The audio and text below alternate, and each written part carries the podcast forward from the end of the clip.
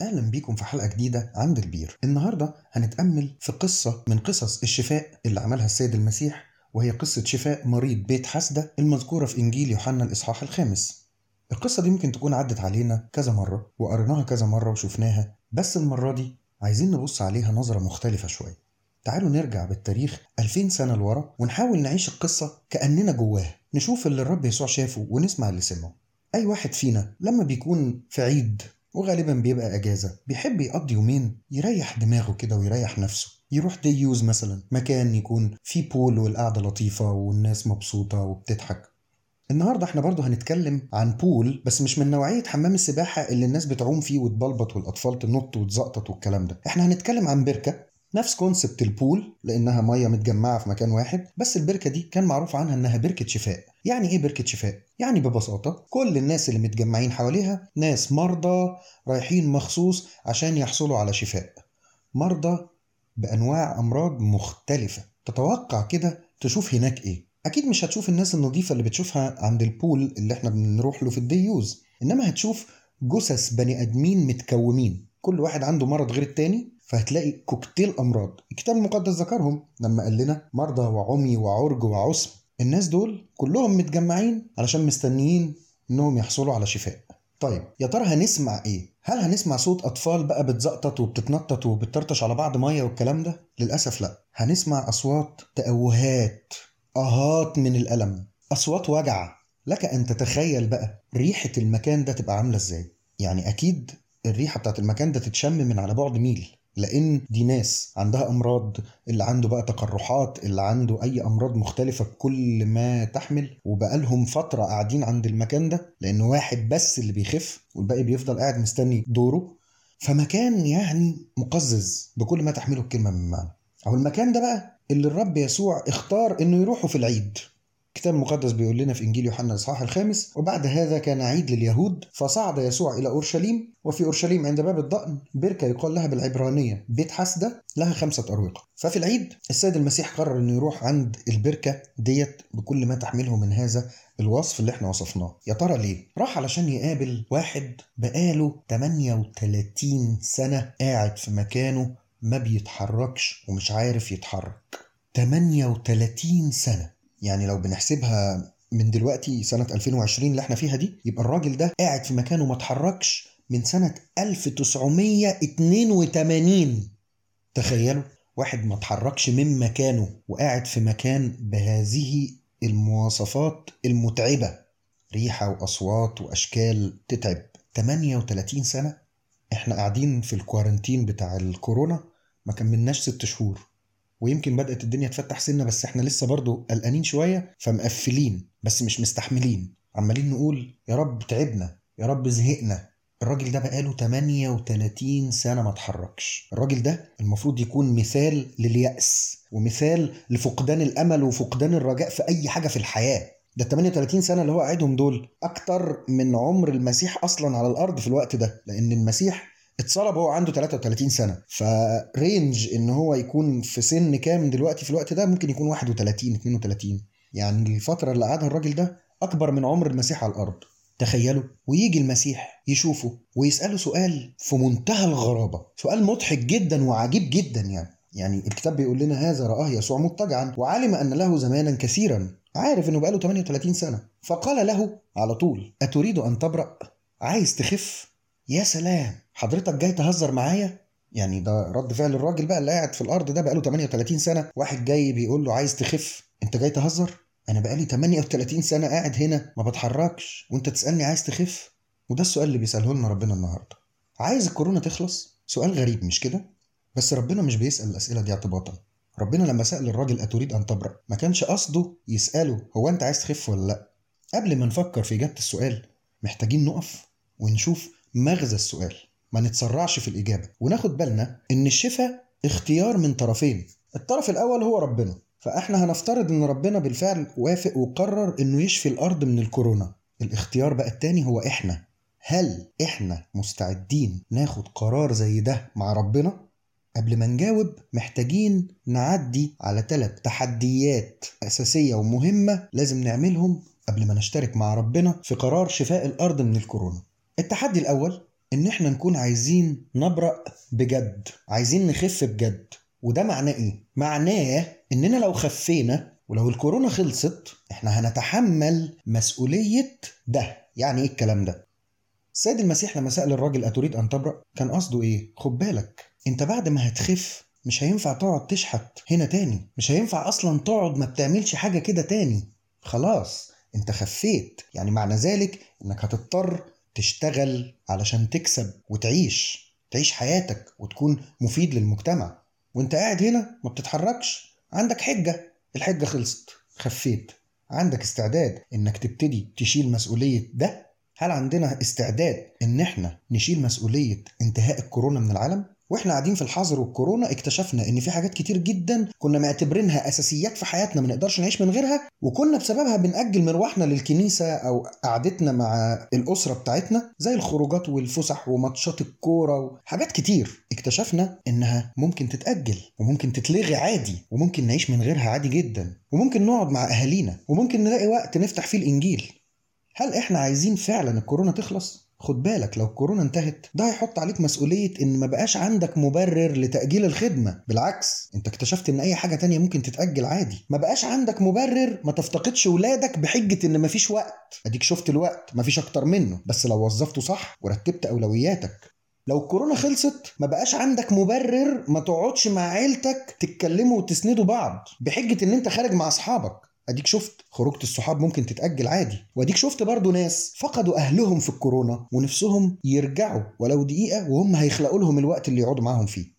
يبقى لازم نحط في حسابنا إن إحنا لو عايزين نبرأ بجد ولو عايزين الأرض تخف بجد من الكورونا مش هينفع نرجع لحياتنا ما قبل الكورونا. مش هينفع أول أسبوع بعد الكورونا نلاقي القداس فيه ألافات وبعد كده يتحولوا بقى لمئات وبعد كده عشرات ونرجع نلاقي الكنايس في القداسات فاضية زي قبل الكورونا. وننسى بقى العياط والنواحي اللي إحنا عملناه على قفل الكنايس في وقت الكورونا. وده يودينا لسؤال مهم. هو إحنا ليه بنروح الكنيسة؟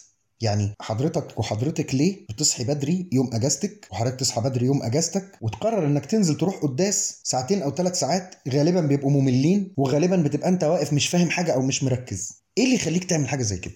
إجابة السؤال ده بتختلف من شخص للتاني. في ناس ممكن تكون بتروح الكنيسة عشان تقابل الناس اللي مش بتشوفها في بقية أيام الأسبوع. حاجة سوشيال يعني. وفي ناس تانية شماس مثلا بيحب يروح القداس عشان لما بيقول في الميكروفون الناس بتمدح صوته وده بيسبب له نوع من أنواع الانبساط.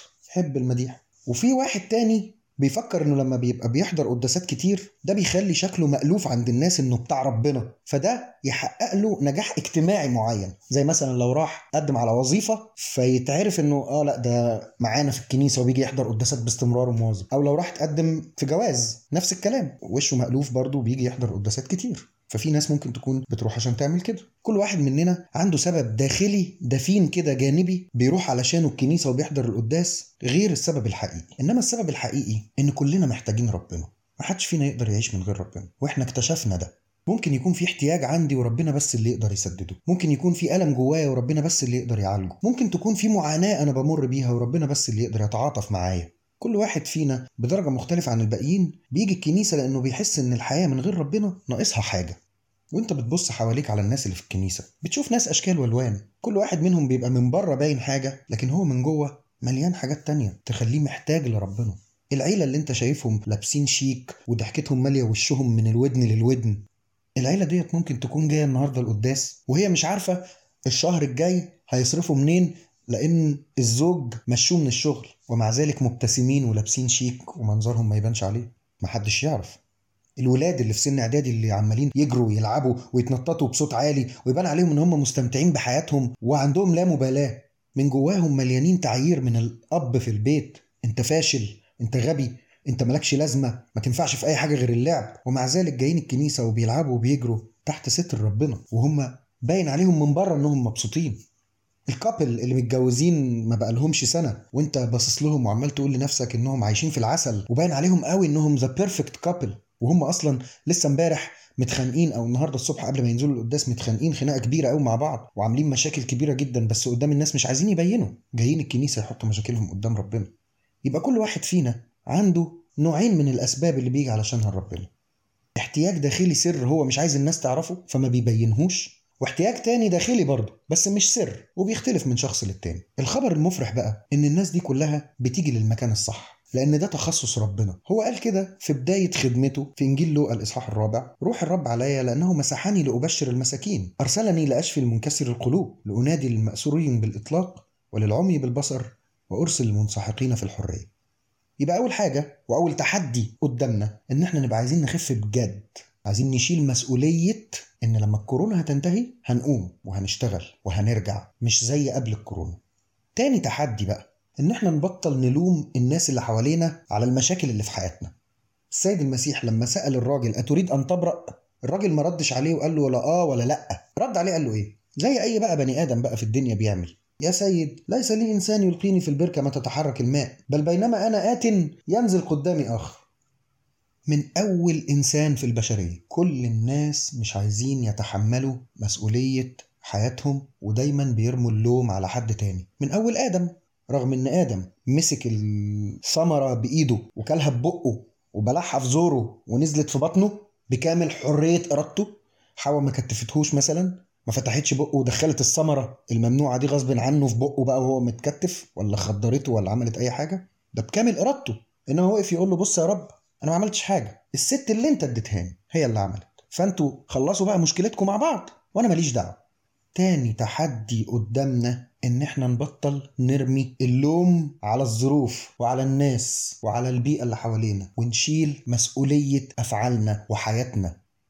طول ما أنا حاطط قدامي إن الناس اللي حواليا هم السبب يا فلان مش بتبطل السجاير ليه مثلا؟ ما أنا كنت هبطلها بس الناس اللي حواليا مستفزين بيعصبوني. فأنا بضطر بقى إيه أطلع العصبية دي في السيجارة دي. في حاجة اسمها أنا مش عايز أبطل. طبعا أنا مش بتكلم عن السجاير بوجه خاص بس أنا بتكلم على أي حاجة بوجه عام. حضرتك ما جيتش ليه مثلا القداس؟ أصل أنا كنت تعبان من الشغل الأسبوع اللي فات. أنا بعمل كده. أنا شخصيا اللي بيتكلم ده أنا بعمل كده. بس أنا كنت تعبان طول الأسبوع اللي فات فما صدقت جه يوم الإجازة عشان أنام لي ساعتين زيادة. لا في حاجة اسمها أنا مش عايز أقوم أصحى. لأن أنا لو تعبان الأسبوع اللي فات وجم قالوا لي في الشغل هننزلك يوم الأجازة هصحى من بدري وهنزل غصب عني. يبقى في حاجة اسمها أنا مش عايز أعمل الحاجة. فبرمي اللوم على الظروف على الناس على أي حاجة تانية غير نفسي. يبقى قلنا أول تحدي إن إحنا نكون عايزين نخف بجد ونشيل مسؤولية القرار. تاني حاجة مش بعيدة عنها إن إحنا نبطل نلوم اللي حوالينا سواء الناس أو الظروف ونشيل مسؤولية القرار. التحدي التالت بقى إحنا محتاجين قفزة إيمان. يعني إيه قفزة إيمان؟ قفزة إيمان يعني نعمل حاجة إحنا كنا فاكرين نفسنا إن إحنا ما نقدرش نعملها بس إحنا اللي حاطين الفكرة دي في دماغنا. بصوا كده المسيح قال إيه؟ لما الراجل قال له إن أنا ليس لي إنسان يلقيني في البركة قال له يسوع قم احمل سريرك وامشي. ما هو حضرتك أنا بقالي 38 سنة لو أقدر أقوم كنت قمت. لكن المسيح بيطلب مننا هنا نعمل حاجة إحنا فاكرين نفسنا ان إحنا مش هنقدر نعملها. لا معلش اصل أنا بص بصراحة أنا addicted لل... للحاجة دي. مش هقدر أبطلها. ما ينفعش تديني أي تدريب تاني غيره. أصل بص يا أبونا بصراحة يعني أنا ماليش في القراية. جو بقى القراية و... وال إن أنا أقعد بقى أقرأ في كتاب مقدس وياخد وقت. مفيش حاجة تخليني يعني تكون interesting شوية عن كده. أصل أنا ما بفهمش ما بفهموش ما بفهمش كتاب مقدس ما ينفعش تديني كتب كده تانية أقراها. هنا التحدي التالت. إن أنا ما أقولش أصل أنا مش هقدر أصل مش هينفع. ما أنا لو كنت بعرف أعمل كده كنت عملته. لا أبطل الكلمات دي.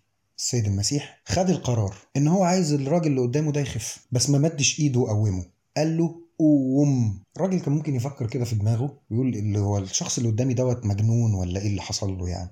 جاي يقول لي عايز تخف ودلوقتي بيقول لي قوم. ما هو أنا لو كنت أقدر أخف وأقدر أقوم كنت خفيت وقمت. لا لا لا ربنا مش مجنون. ربنا عايزنا نشترك معاه في اتخاذ القرار. عايزنا نخف بجد. لما ناخد قرار الشفاء نبقى خدنا قرار شفاء بجد. عايزنا نشتغل معاه. برضه هنروح لحادثة تانية. المولود أعمى. ده راجل ما بيمشيش مسافات طويلة لأنه مش بيشوف. برضه المسيح قال له إيه؟ اذهب واغتسل في بركة سلوان. يا عم طب ما أنت لو تقدر تشفيني وأنا واقف هنا اشفيني واخلص إيه اللي يخليني أبذل مجهود وأروح أنا أغتسل في بركة فين بركة سلوان دي أصلا؟ أنا مش شايف حاجة. ربنا لما بيقرر إنه يشفينا بيخلينا نشترك معاه في القرار. هو بيحب كده. أنت عايز تخف؟ قوم. آخر حاجة هنقولها السيد المسيح كان عارف إنه لما هيشفي الراجل ده الراجل دوت مش هيشيل مسؤولية الحياة ومش هيمشي في الطريق الصح بس ده ما منعهوش إنه يشفيه. وربنا بيعمل معانا كده. هو عارف إننا بعد ما الكورونا دي هتخلص بأقل من سنة هننسى وهنرجع. بس الشاطر اللي يكمل صح. إنما ربنا مش هيمنع رحمته عننا. هيدينا الشفاء. وأدينا شايفين إن فعلا بدأ الموضوع يقل. وإن شاء الله ربنا يسهل لما كمان يبقى فيه فاكسينز وتبقى فيه أدوية للموضوع. هيختفي زي ما اختفت أي حاجة تانية كانت موجودة قبل كده. واللي هيتبقى حاجة واحدة بس. استفدنا إيه من الكورونا؟ هل إحنا عايزين الكورونا تخلص بجد؟ عايزين ناخد مع ربنا القرار ونعدي الثلاث تحديات بنجاح. شكرا ليكم على استماعكم ونلتقي إن شاء الله في حلقات جاية في عند البير.